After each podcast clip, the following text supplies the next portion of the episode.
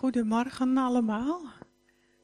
Fijn om uh, vanmorgen weer in jullie midden te zijn. En dat ik uh, vandaag ook weer uh, de preek mag houden. En het is vandaag Palm Pasen. En het is de glorieuze intocht van onze Heer Jezus in Jeruzalem. Ja, en dan begint ook de stille week, waarin we ons voorbereiden en ons stil worden ook van het lijden dat de Heer Jezus voor ons heeft overgehad. Dat Hij is gestorven aan het kruis.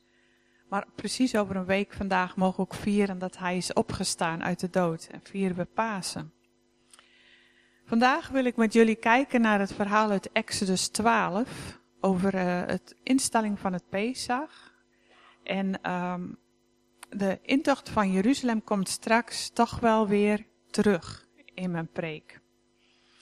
Maar ik wil het hebben met jullie over het lam. Want het lam wat in Exodus 12 uh, wordt genoemd, is een, een schaduw eigenlijk van de Heer Jezus zelf. En ik zal aan de hand van Exodus 12, waarin God zelf instellingen geeft over hoe het volk Israël moet omgaan met het lam, dan ook iets vertellen over Jezus.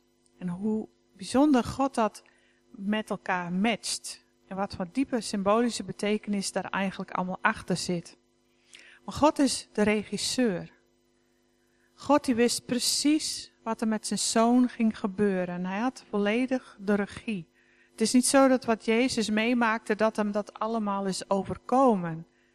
En God wist precies op welk tijdstip, wanneer zijn zoon gevangen genomen moest worden bijvoorbeeld.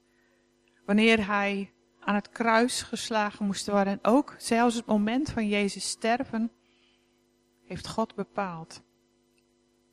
Jezus wist ook precies wat er van hem verwacht werd. En hij volgde de aanwijzingen van zijn vader in de hemel. Ik lees uh, een gedeelte uit Exodus 12. En daarna gaan we nog een stukje uit Openbaringen 5 lezen. We gaan een stukje aan het begin van de Bijbel en een stuk uit het eind van de Bijbel. We beginnen bij Exodus 12. De Heer zei tegen Mozes en Aaron, nog in Egypte, voortaan moet deze maand bij jullie de eerste maand van het jaar zijn. Zeg tegen de hele gemeenschap van Israël, op de tiende van deze maand, de maand Nisan is dat, moet elke familie een lam of een bokje uitkiezen. Elk gezin één. Gezinnen die te klein zijn om een heel dier te eten, nemen er samen met hun naaste buren een, rekening houdend met het aantal personen en met wat ieder nodig heeft. Het mag het jong van een schaap zijn of het jong van een geit, als het maar een mannelijk dier van één jaar oud is, zonder enig gebrek.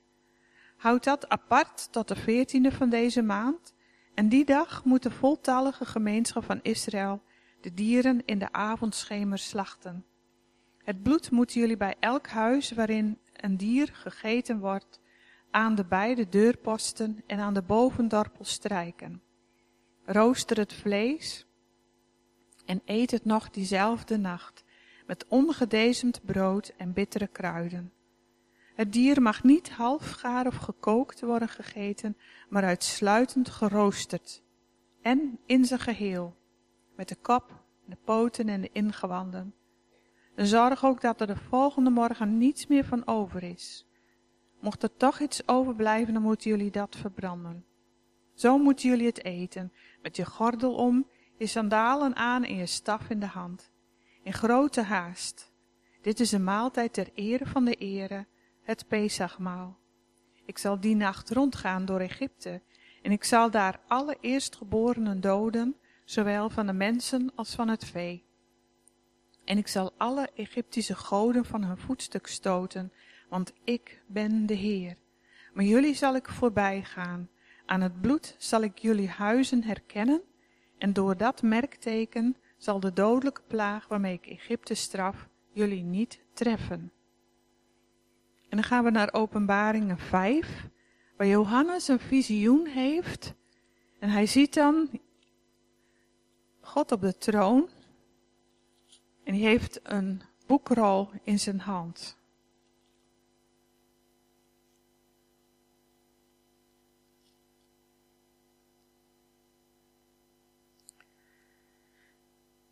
Openbaringen 5, vers 1 tot 10.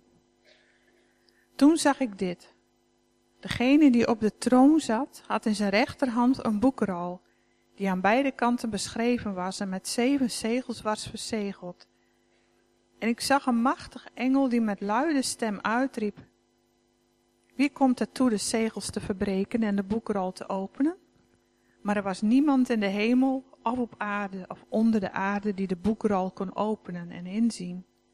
Het deed me veel verdriet dat blijkbaar niemand het verdiende om de boekrol te openen en hem in te zien.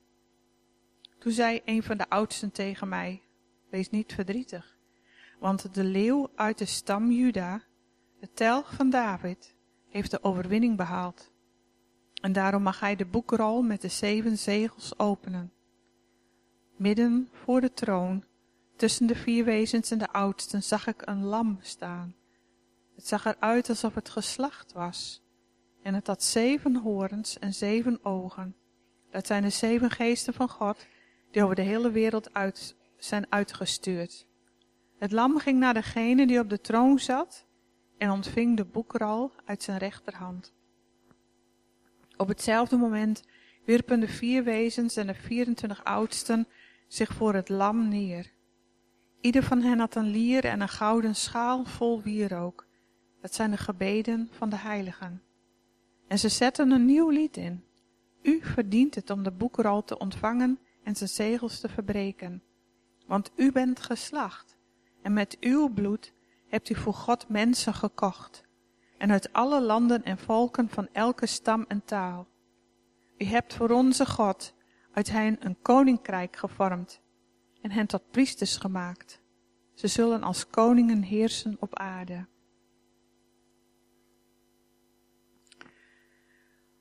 Op die tiende dag in die maand Nisan moest elke familie van het Joodse volk ieder voor zich een lam nemen. Of een bokje. En er staat ieder voor zich. God wil dat ieder voor zich bewust was dat je schuldig was. Persoonlijke schuld. En ze moesten het bokje ook nemen. Ze moesten het nemen. Het is een actieve daad. En God, Jezus het lam, geeft zich voor ons, maar we moeten hem ook aannemen. En in Johannes 3 vers 16 staat ook, want al zo lief heeft God de wereld gehad dat hij zijn zoon gegeven heeft. God geeft hem, maar we moeten hem ook aannemen.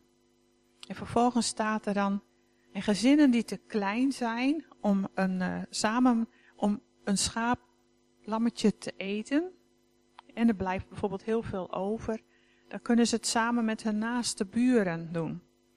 De mogelijkheid dat het lam, lam te klein zou zijn, daar wordt, komt het helemaal niet op in dit, in dit verhaal. Het lam zou alleen maar te groot kunnen zijn. Ons paaslam Jezus is nooit te klein. En het lam moest een jaar oud zijn van het mannelijk geslacht en helemaal gaaf. En op die tiende dag moesten ze het, het, lammetje dus uit de kudde halen en het vier dagen apart zetten. Totdat de dag aangebroken was dat het lam geslacht zou moeten worden. Van een geboorte tot aan die dag was het lam dus onder de kudde. Hij was gewoon onderdeel van het grote geheel. Net als ieder ander lam. Niemand wist ook nog welk lammetje uitgekozen zou worden en wist ook dat dit lam bestemd was voor een groter doel. Maar op die tiende dag werd het lammetje uit de kudde gehaald, werd apart gezet, geheiligd, tot die veertiende dag, vier dagen later. En in die vier dagen was het onder het oog van de mensen en konden ze het bekijken van, heeft het gebreken, is het allemaal goed, is het helemaal gaaf, zodat we het kunnen offeren aan God. En op de dag dat het lammetje werd geslacht, er werd het bloed opgevangen in een kom. En door de vader van het gezin werd het met hyssop op de deurposten en de deurdorpel gestreken. Hyssop kennen we tegenwoordig als majoraan. Maar hyssop is symbool voor ons getuigenis. Want als je dat bloed wel opvangt, die houdt het alleen maar in de kom. dan zou er nog verder niets mee gebeuren. Je moet ook actief dat bloed op die deurposten smeren. En dat is ons getuigenis, beleidenis. Als jij beleidt dat de Heer Jezus voor jou, jouw heiland en verlosser is, dan smeer je als het ware met jouw beleidenis het bloed van Jezus op de deurposten van je hart. En er staat ook nog, het bloed moet jullie strijken op de deurposten van elk huis waar van het lam gegeten wordt. Het is absoluut ook de bedoeling dat degene die schuilt achter het bloed van de Heer Jezus ook het lam opeet. We moeten ons laten voeden door de Heer Jezus. En dat doe je letterlijk met het avondmaal. Maar ook laat je voeden door vanmorgen hier al te zijn. En dat je luistert naar woorden uit de Bijbel, naar de preek en de liederen die je zingt. Maar ook je eigen persoonlijke tijd die je hebt met God. Dan laat je ook voeden. Je eet als het ware van het lam. Daardoor komt Jezus in jou wonen. Jezus zegt zelf in Johannes 6. Waarachtig, ik verzeker je. Als je het lichaam van een mensenzoon niet eet en zijn bloed niet drinkt, heb je geen leven in je. Wie mijn lichaam eet en mijn bloed drinkt, die blijft in mij en ik blijf in hem. Het lam moest ook in zijn geheel geroosterd worden, op het vuur, inclusief de kop, de poten en de ingewanden. Vuur symboliseert Gods oordeel. Het lam draagt het oordeel, wij niet. God dank. Maar hij moest dus in zijn geheel geroosterd worden. En daar zit een diepe betekenis achter. De kop, dat is de zetel van je denken. Daar zit je gedachtenleven, daar zit je verstand. Van Jezus wordt gezegd dat hij geen zonde heeft gekend. Zijn gedachtenleven was puur, was rein, volledig op God gericht.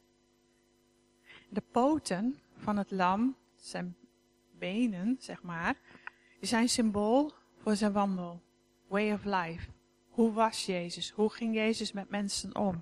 Ook dat was puur. Hij heeft totaal geen zonde gedaan. En de ingewanden die ook opgegeten moesten worden, dat heeft te maken met je innerlijk. Er was in Jezus geen enkele zonde. Zijn innerlijk was rein en puur. En wij mogen ons voeden met dat pure, reine lam. En dat heeft dan ook de invloed op ons denken, op de manier hoe wij leven en ook op ons innerlijk. Het lam moest ook gegeten worden met ongedezen brood en bittere kruiden. Verderop in vers 15 hebben wij dan niet gelezen, kregen de Joodse, Joodse mensen, de Israëlieten, de opdracht om al het zuurdezen uit hun huis te verwijderen. En zeven dagen lang moesten ze dan ongedezen brood eten. En er is in het Jodendom een traditie ontstaan dat vooraf van het Pesachfeest houdt men een grote schoonmaak, het hele huis wordt schoongemaakt. En de moeder die verstopt dan tien stukjes zuurdesem in het huis. En de vader gaat er samen met de kinderen op zoek naar dat. Ze moeten al die tien stukjes vinden en hij heeft een lamp bij zich. En als ze dat gevonden hebben, doen ze het in een linnen doek. Het wordt buiten het huis gebracht en verbrand. Zuurdesem is beeld voor de oude mens. Voor zonde, voor dingen die niet goed zijn. En eigenlijk is de opdracht, doe alles weg wat ingaat tegen hoe God het bedoeld heeft. Het slachten van het lammetje is niet alleen voldoende dat Jezus voor jou gestorven is, ja, ik mag weten dat ik gered ben. Maar dan vraagt God van mij ook een reactie dat ik ook alles eraan zal doen van mijn kant, om dan ook zo rein en zo puur mogelijk te leven. Om al het zuurdesem uit mijn leven weg te doen. En die vader die gaat dus dan op zoek met een lamp. Dat is beeld voor de Bijbel. En er staat ook in Psalm 119, uw woord is een lamp voor mijn voeten en een licht op mijn pad. Als je de Bijbel leest, dan kom je er vanzelf wel achter wat het zuurdesem is in jouw leven. En daarmee kun je dan het zuurdesem uit jouw leven verwijderen. Het is alsof je zelf diep in je hart krijgt. Zit er nog zuurdezem in? Want als je maar een klein stukje in het deeg laat zitten, dan wordt het hele deeg zuur. Dus het is belangrijk ja, dat je bewust bent van wat is het zuurdezem in mijn leven. De bittere kruiden die ze erbij moeten eten. Dat is het besef, de bittere besef, dat Jezus voor onze zonden is gestorven. Het maakt jezelf kleiner. Het maakt Jezus ook groter. Maar de bittere kruiden zijn gelukkig niet het hoofdschotel. De hoofdschotel is het lam. Hij moest helemaal opgegeten worden, zei God. Ook de delen die moeilijk te verteren zijn. Het is soms moeilijk om echt het evangelie helemaal aan te nemen, omdat er ook soms stukjes in kunnen zitten die we lastig vinden, moeilijk vinden. God vraagt ons om het hele evangelie aan te nemen. Maar ik wil met jullie nog een laag dieper gaan. Want later in de traditie van het Jodendom werd er vier dagen voor Pesach het lam van de natie uitgekozen. De, dus het volk van Israël kreeg de opdracht om zelf voor elk gezin een lammetje uit te zoeken. Maar er werd ook voor de natie zelf, voor het hele volk, een lam uitgekozen. En de hoge priester ging dan naar Bethanië of naar Bethlehem. Daar haalde hij een lam, daar koos hij eentje uit. Hij nam hem mee en ging door de schapenpoort van Jeruzalem weer naar binnen. En het volk stond dan langs de weg en zong dan, Hosanna, hij die komt in de naam van de Heer, gezegend. Het zijn de woorden van Psalm 118 waar Harry vanmorgen ook de dienst mee is begonnen. En de hoge priester nam het lam dan mee, zet hem vier dagen op het tempelplein. De mensen konden dan oordelen, is het lam gaaf of niet? En dan werd hij gereed gemaakt voor, de, voor het offer. Maar nu komen we bij iets heel bijzonders. Want Johannes die vertelt ons in zijn evangelie dat Jezus vier dagen voor Pesach in Betanië was bij Lazarus, Martha en Maria. Hij was op die tiende Nisan, was hij daar. De hoge priester was dus in Bethanië om een lam voor de natie uit te zoeken. Jezus was daar ook. En daar zalfde Maria zijn voeten en ze droogde hem zijn voeten af met haar haren. Heeft ze Jezus voorbereid op zijn begrafenis? Of heiligde ze hem al? Zette ze hem al apart als lam voor de natie? werd hij op dat moment ook echt aangewezen, aangekozen als het lam dat voor alle mensen zou worden geslacht. En terwijl de hoge priester, men vermoedt dat het ongeveer zo is gegaan, dat de hoge priester via de, de schapenpoort Jeruzalem binnenkwam met dat lammetje, kwam van de andere kant via de oosterpoort Jezus binnen zittend op een ezel. En de mensen zongen Hosanna, gezegend hij die komt in de naam van de Heer. Maar de mensen hebben op dat moment niet doorgehad dat daar het lam van de natie op de ezel zat. Ze zagen in hem de koning die hen zou redden, maar hij zou het op een hele andere manier doen. Die poort waar de Heer Jezus door is gegaan, wordt ook wel de Gouden Poort genoemd. En die is in de 16e eeuw gesloten door een islamitische sultan. Want er was het idee, de gedachte onder de Joden, dat de Messias door de Gouden Poort naar binnen zou komen. En dat wilden de islamieten niet. Dus die hebben die poort gesloten en er een islamitische begraafplaats voorgelegd. Zo van hier zal nooit de Messias Jeruzalem binnenkomen. Maar hij was 1500 jaar daarvoor al binnengekomen, zittend op een ezel. En in Ezekiel staat, Ezekiel 43 en 44, daarvoor zegt God zelf al, um, dat God heeft bepaald, de profetie van Ezekiel, dat de poort afgesloten zou worden, omdat de God van Israël al door deze poort naar binnen is gegaan. Dus dat die poort is gesloten is, is al een bevestiging van de profetie die God eeuwen daarvoor al had gedaan de Messias is al door de poort binnengekomen. Nou, het lam werd dus vier dagen geïnspecteerd en de Heer Jezus, toen hij Jeruzalem binnenkwam, ook vier dagen lang ondervraagd door de fariseeën en de sadduceeën. Hadden ze daarvoor ook al gedaan. Maar nu was het echt heel erg, want ze waren vastbesloten om hem te laten sterven. En ze wilden en ze zouden iets vinden waarop ze hem zouden kunnen pakken. Maar ze hebben nooit iets kunnen vinden. En het wonderlijke is dat als hij later uh, voor Caiaphas verschijnt en hij hem ook ondervraagt, dat zelfs een, wereldleid, een wereldse leider, een slechte leider, dan moet erkennen, ik vind geen zonde in deze man. Hij heeft vastgesteld dat het lam voor de natie gaaf was zonder enig gebrek. Het lam voor de natie werd s ochtends om vier uur vastgebonden aan het brandofferaltaar op het in, de, in de tempel. Om uren later ter dood gebracht te worden. Op hetzelfde tijdstip is Jezus aan het Golgotha, aan het kruis geslagen. Golgotha is volgens de geleerden dezelfde plek als waar eeuwen daarvoor Abraham en Isaac zijn geweest. Abraham had de opdracht gekregen om zijn zoon te offeren. We denken vaak dat Abraham al een, heel, een klein jongetje was. Dat hij geen eigen wil had en dat hij ja, maar moest doen wat zijn vader zei. Maar uit onderzoek is gebleken dat, Abraham, dat Isaac op dat moment een jonge man van rond de dertig geweest moest zijn. Dezelfde leeftijd als Jezus. En zoals Jezus deed de wil van zijn vader, deed ook Isaac de wil van zijn vader. Heel, heel bijzonder. En hij ging met zijn vader mee.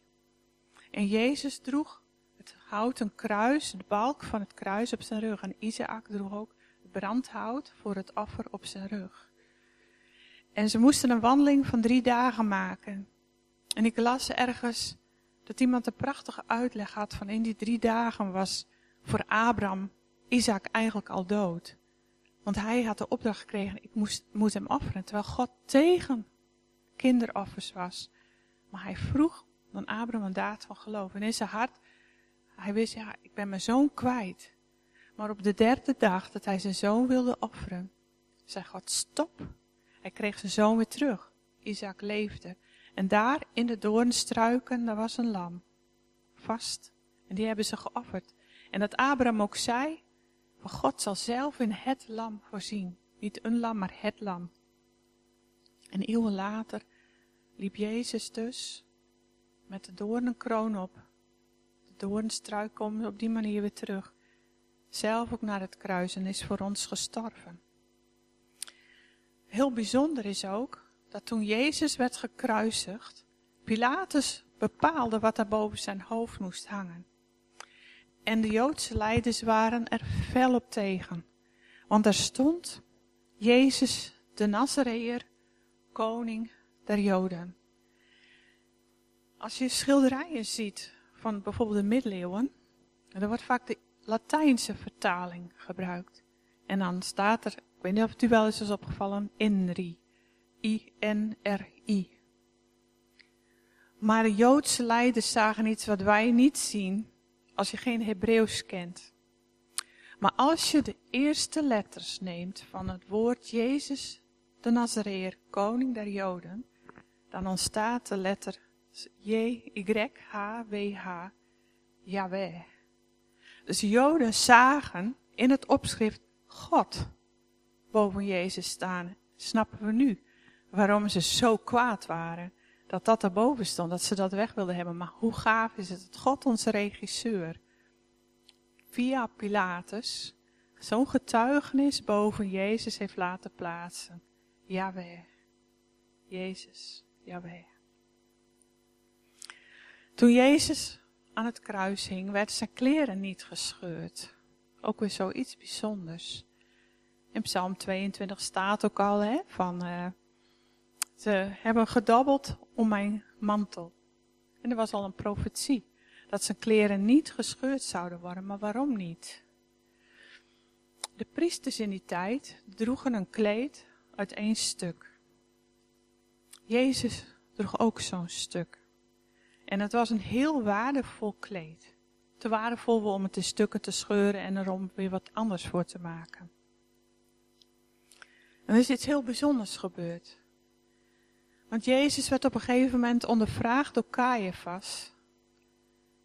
En op de vraag, bent u de zoon van God? Antwoordde Jezus, ja, u zegt het. Ik ben de zoon van God. En Caiaphas was zo kwaad, zo, dat hij scheurde zijn priesterkleed. Maar een priester mag nooit zijn kleed scheuren. Doe je dat, dan wordt het priesterambt van jou weggenomen.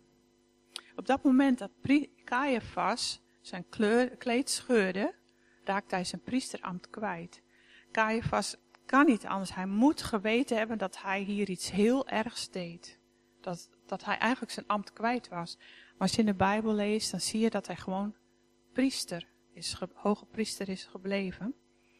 Maar hij zou officieel niet het lam mogen offeren in de tempel. Voor God was hij geen hoge priester meer. Hij had zijn kleed gescheurd.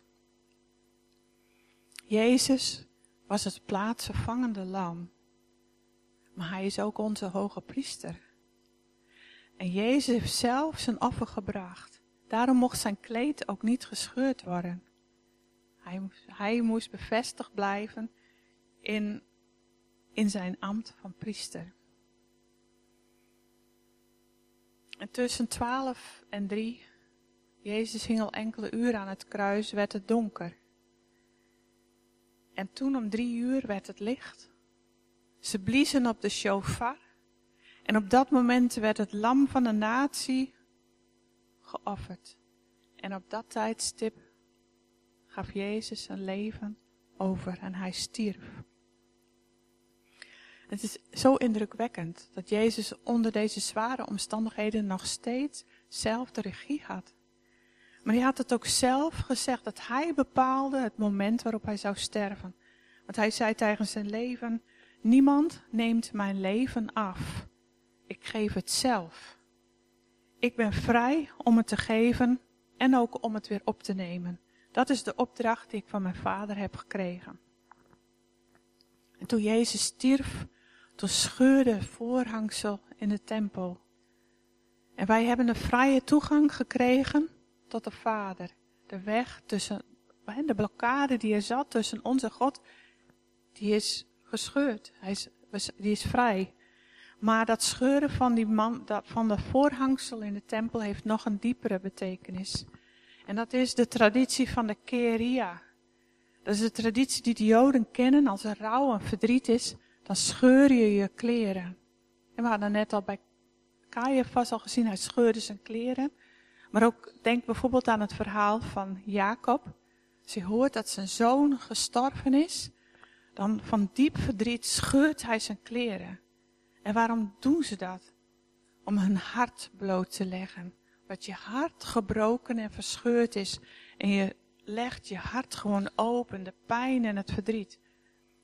En op het moment, je zou kunnen zeggen dat voorhangsel in de tempel is Gods mantel. En op het moment dat Jezus stierf, scheurde die mantel van boven naar beneden. En het is ook alsof God zijn diepe verdriet, zijn rouw, om zijn zoon liet zien. Hij scheurde zijn, zijn mantel en hij legde zijn hart bloot. Ook Gods hart was gescheurd. En toen ik dat op me door liet dringen, toen werd ik zelf heel erg stil en diep geraakt. Want wij beseffen niet altijd het diepe verdriet dat God heeft moeten gevoeld. Voor mij ben ik zo vaak gericht op Jezus zelf, op zijn lijden, maar het lijden van een vader. En het bijzondere is, hij was de regisseur, hè. En aan, aan een regisseur denk je van iemand die het vanaf een afstandje allemaal regelt. Maar God was er zelf bij. Hij moest zelf ook heel diep gaan. Hij heeft zijn zoon gegeven.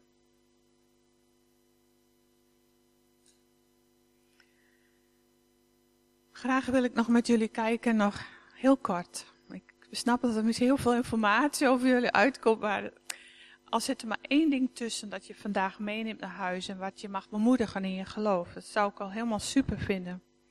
Want in openbaringen 5 komt dat lam weer terug. hij wordt genoemd de leeuw van Juda. Hij is in staat om die zegels te openen. Een leeuw Dat is een indrukwekkend dier. Is machtig, sterk, angstaanjagend. Je kunt bang worden voor een leeuw. Ik, kom liever niet een leeuw tegen in het echt. Dan ren ik heel hard weg. Maar wanneer je beseft dat deze leeuw aan jouw kant staat, dat hij voor jou heeft gestreden, hij vecht voor jou, hoe veilig voel je je dan? Wat gaaf. Dat je achter een leeuw mag schuilen. Maar wanneer Johannes zich als het ware omdraait, er wordt gezegd, de leeuw van Juda, die mag die zegels openen en hij kijkt en hij ziet een lam dat geslacht is. God is dus zo anders in zijn denken dan wij. We denken bij een leeuw helemaal niet aan een lam. Een lam is het precies het tegenovergestelde van een leeuw. Een lam is zwak, is klein, is kwetsbaar. Maar Jezus is beide. Hij is sterk. Hij is kwetsbaar. Hij is moedig als een leeuw, maar hij is ook nederig als een lam. En deze Jezus, die strijdt voor ons in de geestelijke strijd. En hij pleit voor ons. En hij zegt ook tegen ons, ik hou van jou. Ik heb mijn leven voor jou gegeven. Neem het aan en je bent vrij. We gaan nu luisteren en kijken naar een lied van Shane en Shane. Ik weet niet of u het wel eens hebt gezien. Het is, is he worthy? En het gaat over de vraag, eigenlijk dezelfde vraag als in openbaringen 5. Is hij waardig om de zegels te openen? Maar dan zien we ook de leeuw en een lam komen terug. En aan het eind van het lied, dan wordt er volmondig gezongen. Ja, hij is het waard om al onze glorie en aanbidding te ontvangen. Amen.